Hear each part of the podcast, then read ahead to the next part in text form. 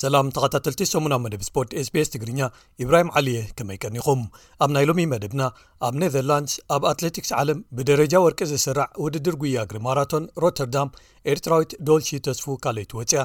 ፈደረሽን ኩዕሰ እግሪ ኢትዮጵያ ኣሰልጣኒ ሃገራዊት ጋንታ ውበቱ ኣባተ ካብ መዝነቱ ከም ዝተሰናበተ ዝሓለፈ ዓርቢ ኣፍሊጡ ኣብ ዜናታት ቅርዲ ምሽክለታ ኤርትራዊ ዳዊት ዮማነ ኣብ ዙር ዶብስ ኢትዮጵያዊ ፅጋቡ ግርማይ ከኣ ኣብ ዙር ሲሲልያ ዝነኣዱ ውፅኢታት ኣመዝጊቦም ኣብ መበል ሳላሳን ሳላሳን ሓደን ዙርያ ግጥማት ፕሪምየር ሊግ ዓዲ እንግሊዝ ኣብ መሪሕነት መሳልል ጋንታታት እትርከብ ኣርሴናል ደጊማ ድሕሪ ምዕንቃፋ ረብሓ ቻምፕዮኒቲ ሊግ ናብ ማንቸስተር ሲቲ ተቐይሩ ዝብሉ ገለ ትሕሶታት ንምልከቶም እዮም ሰናይ ምክትታል ሰንበት ኣብ ኔዘርላንድስ ኣብ ኣትሌቲክስ ዓለም ብደረጃ ወርቂ ዝስራዕ ውድድር ጉያ ግሪ ማራቶን ሮተርዳም ተኻይዱ ኤርትራዊት ዶልሺ ተስፉ ካልይቲ ወፅኣ ዶልቺ ምስታ ኣብ መወዳእትኡ ኣብ ታሪኽ እቲ ውድድር ካልኣይ ዝቐልጠፈ ግዜ ብምምዝጋብ ዝተዓወተት ባሕሬናዊት ዩኒስ ጁምባ ክሳብ መበል ሰላሳን ሓሙሽተን ኪሎሜተር ርሕቀት ናይቲ ውድድር ብሓባር ተጓዒዛ። ኣብ ምዝዛም ናይቲ ውድድር ከኣ ክልተ ሰዓትን ዕስራን ሓደን ደቒቕን ሰላሳን ሓሙሽተን ካልኢትን ግዜ ብምምዝጋብ ቁሩብ ልዕሊ ሓደ ደቒቕ ድሒራ ነዚ ዝነኣድ ናይ ካልኣይ ደረጃ ውጽኢት ከተመዝግብ ክኢላ። ሮዝ ቸሊሞ ሳልሰይቲ ብምውጻእ ቦታታት ፖድየም ምሉእ ገይራቶ። ብወገን ደቂ ተባዕትዮ ኣብ ዝተኻየደ ተመሳሳሊ ውድድር ሶማልያ ዝመበቆሉ ቤልጂማዊ በሽር ዓብዲ ነዚ ቅድሚ ክልተ ዓመት ተዓዊትዎ ዝነበረ ውራይ ደጊሙ ክዕወቶ ክኢሉ። ኬንያዊ ቲሞቲ ኪፕላጋት ካልኣይ ደረጃ ሒዙ ውድድሩ ከጠናቕቕ እንከሎ፣ ካልእ ሶማል ዝመበቆሉ ንኔዘርላንድስ ዝወዳድር ዓብዲ ናግየ ናይ ሳልሳይ ደረጃ ሒዙ ምእታው ክፍለጥ ተኻኢሉ ኣሎ መበል 37 ቅድዲ ምሽክለታ ዙር ዶብስ ዝሓለፈ ቐዳም ኣብ ፈረንሳ ተኻይዱ ብዓወት ኣባል ጋንታ ኮፊደት ዝኾነ እስጳኛዊ ሄሱስ ሄራዳ ተዛዚሙ ኣብዚ 299 ኪ ሜ ርሕቀት ዝነበሮ ናይ ሓደ መዓልቲ ቅድድም ኤርትራዊ ኣባል ጋንታ ባይክኤድ ዝኾነ ዳዊት የማነ ዝነኣድ መበል ሓ ኣርባዕተ ወዲኡ ንሱ ሓደ ካብቶም ንልዕሊ ሓምሳ ኻሚቲ ናይቲ ቕድድም ምስቲ ዓባይ ጉጅለ ወይ ፐለተን ዝወዓሉ ብምዃን ኣብ መወዳእቱ ካብ ተዓዋቲ ዘመዝግቦ ግዜ 2ልተ ደቂቕን ሰሓ ካልትን ጥራይ ድሒሩ ተሳትፉ ክዛዝም ክኢሉ ኣቐዲሙ ዓርቢ ኣብ ዝተኻየደ ቅድድም ምሽክለታ ዙር ዱ ጁራ ቺክሊስተ ዳዊት ተሳቲፉ ዘዕግብ መበል 43 ደረጃ ሒዙ ቅድድሙ ዛዚሙ እዩ ብኻልእ ወገን ኣብ ኢጣልያ ሰንበት መበል 16 ቅድድም ብሽክለታ ትረቺታ ኤስ ቨንደሚያኖ ተኻይዱ ብዓወት ካብ ጋንታ ብስ ካሪራ ዝኾነ ዴንማርካዊ ኣንደርስ ቮልዳገር ተዛዚሙ ኣብዚ 171.6ኪ ሜር ርሕቀት ዝሽፍን ናይ ሓደ መዓልቲ ቅድድም ኣባላት ጋንታ ኪው 36.5 ኮንቲነንታል ቲም ዝኾኑ ኤርትራውያን ናሆም ዘርኣይን ሚልክያስ ቅዱስን ተሳቲፎም ነይሮም ኣብ ምዝዛም ናይቲ ውራይ ናሆም ዘደንቕ ውፅኢት ምምዝጋብ መበል 18 ክኣቱ እንከሎ ሚልክያስ ቅድድሙ ከጠናቕቕ ኣይከኣለን እዚ ከምዚ ኢሉ እንከሎ ሓምሻይ ቅድድም ብሽክለታ ዙር ሲሲልያ ዝሓለፈ ሰሙን ተኻይዱ ብዓወት ካዛካዊ ኣባል ኣስታና ካዛኪሳንቲም ኣሌክሰይ ሉፀንኮ ተዛዚሙ ኣብዚ ኣርባዕተ መድረኻት ዝነበርዎ ቅድድም ኢትዮጵያዊ ኣባል ጋንታ ቲም ጀይኮ ኣሉላ ፅጋቡ ግርማይ ዝነኣድ ውፅኢት ምምዝጋብ ኣብ መወዳእቲ ውራይ ኣብ ሓፈሻዊ ምድባት መበል 14 ኣትዩ ካልእ ኢትዮጵያዊ ካብ ጋንታ ኪው 36.5 ኮንቲነንታል ቲም ነጋሲ ሃይሉ ኣብርሃ ከኣ ቅሩብ ድሕሪ ኢሉ መበል 47 ደረጃ ሒዙ ተሳትፍኡ ክዛዝ ምኽኣሉ ተፈሊጡ ኣሎ ፈደረሽን ኩዕሰ እግሪ ኢትዮጵያ ኣሰልጣኒ ሃገራዊት ጋንታ ውበቱ ኣባተ ካብ መዝነቱ ከም ዝተሰናበተ ዝሓለፈ ዓርቢ ኣፍሊጡ እዚ ውሳነ ዝመጽእ ዘሎ ሓደ ሰሙን ድሕርቲ ኣሰልጣኒ ውበቱ ካብቲ መዝነቱ ክሰናበት ዘቕረቦ ደብዳቤ እዩ ብመሰረት እቲ ፈደሬሽን ዘውፅኦ መግለፂ እቲ ፈደሬሽንን እቲ ኣሰልጣንን ብናይ ሓባር ስምምዐ ዮም ነቲ ምፍልላይ ፈፂሞሞ ውበቱ ካብ መስከረም 220 ሒዙ እዩ ነዚ መዝነት ኣሰልጣንነት ሃገራዊት ጋንታ ሒዝዎ ፀኒሑ ኣብ ግዜ ኣሰልጣንነቱ ንሃገራዊት ጋንታ ኢትዮጵያ ናብ ዋንጫ ሃገራት ኣፍሪቃ 222 ካሜሩንን ሻምፕዮናታት ሃገራት ኣፍሪቃ ወይ ቻን 223 ኣልጀርያን መሪሕዎ ኣትዩ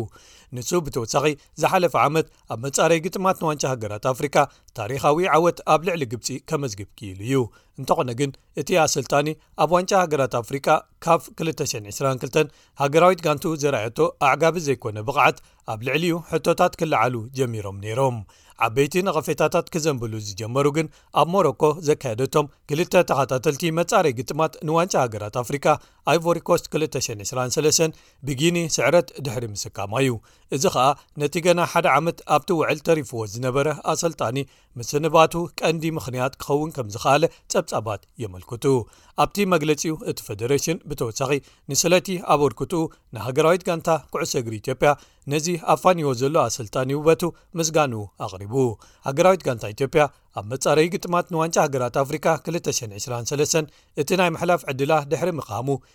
ገና ክልተ ግጥማት ኣንጻር ግብፅን ማላውን ከተካይድ ይፅበያ ከም ዘሎ ተፈሊጡ ኣሎ ኣብ መወዳእታ ኸኣ ክቡራት ሰማዕትና መበል 331 ዙርያ ግጥማት ፕሪምየር ሊግ ዓዲ እንግሊዝ ኣብ መሪሕነት መሳልል ጋንታታት ትርከብ ኣርሴናል ደጊማ ድሕሪ ምዕንቃፋ ረብሓ ሻምፕዮንት ሊግ ናብ ማንቸስተር ሲቲ ዘቢሉ ወይ ተቐይሩ ኣሎ እዚ ዝመጽእ ዘሎ ማንቸስተር ሲቲ ኣንጻር ሌስተር ሲቲ ኣብ ዘካየደቶ ግጥም እቲ ብቐዝሒ ኖርዲክ ኢሎም ገሊኦም ዝሰምይዎን ብዙሕ ቅጽላት ስማት ዝተዋህቦን መዛግብቲ ክብረ ወሰን ብዝሒ ሽቶታት ፕሪምየር ሊግ ዓዲ እንግሊዝን ኤውሮጳን ሓደ ድሕሪ ሓደ እናሰበረ ዝኸይድ ዘሎን ኖርወጃዊ ኣጥቃዓይ ኤርሊንግ ሃላንድ ክልተ ሽቶታት ኣመዝጊቡ ሰለስተ ብ ሓደ ድሕሪ ምዕዋታ እዩ ሃላንድ ነዘን ሽቶታት ኣብዚ ግጥም ድሕሪ ምውሳኹ ኣብዚ ወቅቲ ድሮ 32 ሽቶታት ኣመዝጊቡ ኣሎ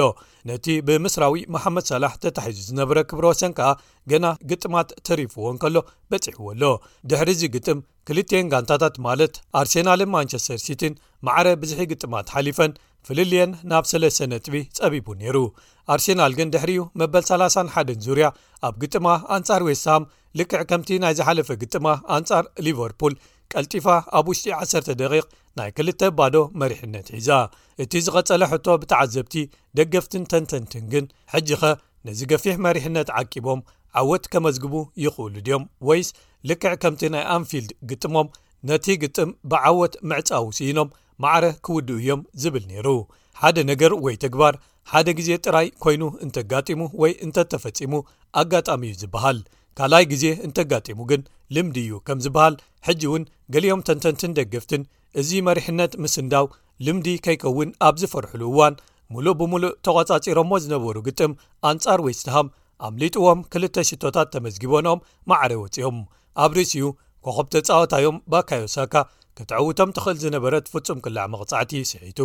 ድሕሪ እቲ ግጥም ባካዮ ንደገፍቲ ውጽኢቱ ብዘየገድስ ሓላፍነቱ ክፍጽም ምዃኑ ቃል ድሕሪ ምታው ነታ ሕጂ ዝሰሓታ ዕድል ኣብ ዝመጽእ ከመዝግባን ክኽሕሰሙን ምዃኑ ብምትስፋው ይቕሬታ ሓቲቱ እንተኾነ ግን ሕማቕ ኣጋጣሚ ኮይኑ ኣብ ንኡስ ዕድሚኡ ልክዕ ከምቲ ኣብ ግጥማት ዩሮ ንሃገሩ እንግሊዝ ፍጹም ቅላዕ መቕጻዕቲ ስሒቱ ዘጋጠሞ ዓሌታዊ ጸርፍታትን ዘለፋታትን ሕጂ እውን የጋጥምዎ ምህላዎም ዘሕዝን እዩ ስለዚ ማንቸስተር ሲቲ ግስጋሰኦም ዓወት ድሕሪ ዓወት ብምምዝጋብ ክዕቅብዎ ከለው ኣርሴናል 6ዱሽ ነጥቢ ክረኽብሎም ካብ ዝኽእሉ ዝነበሩ ክልተ ግጥማት ክልተ ነጥቢ ጥራይ ረኺቦም ኣለው ፍልልዮም ምስ ማንቸስተር ሲቲ ኻ ኣብዚ እዋን ሓንቲ ዝያዳ ግጥም ኣካይዶም ኣርባዕተ ነጥቢ ጥራይ ኮይኑ ኣሎ እቲ ዕላል ብዛዕባ ኣርሴናል እምባር ኣብዚ ዓመት ወይ ወቕቲ ፕሪምየር ሊግ ክወስዱ ይኽእሉ እዮም ዝብል ዝነበረ ንምዃኑ ኣብ መወዳእቱ ኣብ ካልኣይ ተርታ እንተወዲኦም ዕውት ወቕቲ ነይሩ ድዩ ክበሃል ናብ ዝብል ተቐይሩ ኣሎ እንተኾነ ግን ቅድሚኡ ቀዳም እቲ ዝበዝሐ ትፅቢት ዘይተገብረሎም ውፅኢታት ዝተረኽበሉ ግጥማት ፕሪምየር ሊግ ዝተኻየደሉ መዓልቲ ነይሩ ቸልሲ ኣብ ትሕቲ ኣላይነት ግዜያዊ ኣሰልጣንን ገዲም ተፃወታይን ፍራንክ ላምፓርድ እውን እንተኾነ እቲ ከጋጥሞም ዝፀንሐ ተኸታታሊ ዘሕፍር ስዕረታት ቀፂሉ ኣብ ሜድኦም ብብራይተን ብጸወታ ተበሊጾም ክልተ ብ ሓደ ተሳዒሮም እንተኾነ ግን እዚ ግጥም ጥራይ ኣይኮነን ኣብ ከተማ ለንደን ድራማ በዚሕዎ ዝነበረ ቶተንሃም ኣብ መበል 97 ደቂቕ ሽቶ ተመዝጊባቶም በታ ኣብ ዝተሓቱ ተርታታት ተሰሪዓ ኣብ ፕሪምየር ሊግ ንምጽናሕ ንህወታት ቃለት ዘላ ጋንታ ቦርንሞት 3 ብ2 ተሳዒሮም እዚ ስዕረቶም ግን ንቶተንሃም ኣብቲ ዝርከብዎ ተርታ ብዙሕ ዝሃሰዮም ኣይመስልን እቶም መቓናዕንቶምን ማዕረ ማዕሪኦም ንቦታ ቻምፕዮንስ ሊግ ዝቃለሱን ዘለዉ ኒውካስትል ዩናይትድን ኣሌክሳንደር ይሳቅን ብኣስቶን ቪላ ብገፊሕ ሰለስተ ባዶ ምስ ተሳዕሩ ብዙሕ ምቅያራት ኣብ ተርታ ክልትዮን ሃገራት ማለት ኣብቲ መሳልል ጋንታታት ፕሪምየር ሊግ ኣይተራየን ኣሌክሳንደር ይሳቅ ከምቲ ልሙድ ጽቡቕ ምንቅስቓስ ኣርእዩን ብዙሓት እትዋት ሽቶታት ክኾና ዝኽእላ ዕድላት ፈጢሩ እዩ እንተኾነ ግን ዕድሎም ከይሰመረ ተሪፉ ገሊኤን ልዳት ሃሪመን ንደገ ክወጻ ክኢለን። ንጽባሒቱ ኣብ ዝተኻየደ ግጥማት ማንቸስተር ዩናይትድ ንኖቲንግሃም ፎረስት ክልተ ባዶ ስዒሮም ካብ ኒውካስል ብሰለስተ ነጥቢ በሊጾም ካብ ቶተንሃም ከኣ ሽዱሽተ ነጥቢ ፍልልይ ገይሮም ሳልሳይ ተርታ ናቶም ገይሮም ኣለዉ። ኒውካስትል ዩናይትድን ኣሌክሳንደርን ራብዓይት ቶተንሃም ሓሙሻይ ተርታታት ሒዞም ናብ ዝቕፅል ዙር ይሰግሩ ኣለዉ ክቡራት ሰማዕትና ናይ ሎሚ ትሕሶታት ሰሙናዊ መደብ ስፖርት ስbs ትግርኛ እዞም ዝሰማዕኩሞም ነይሮም ሶኒ ኣብ ተመሳሳሊ እዋን ክሳብ ንራኸብ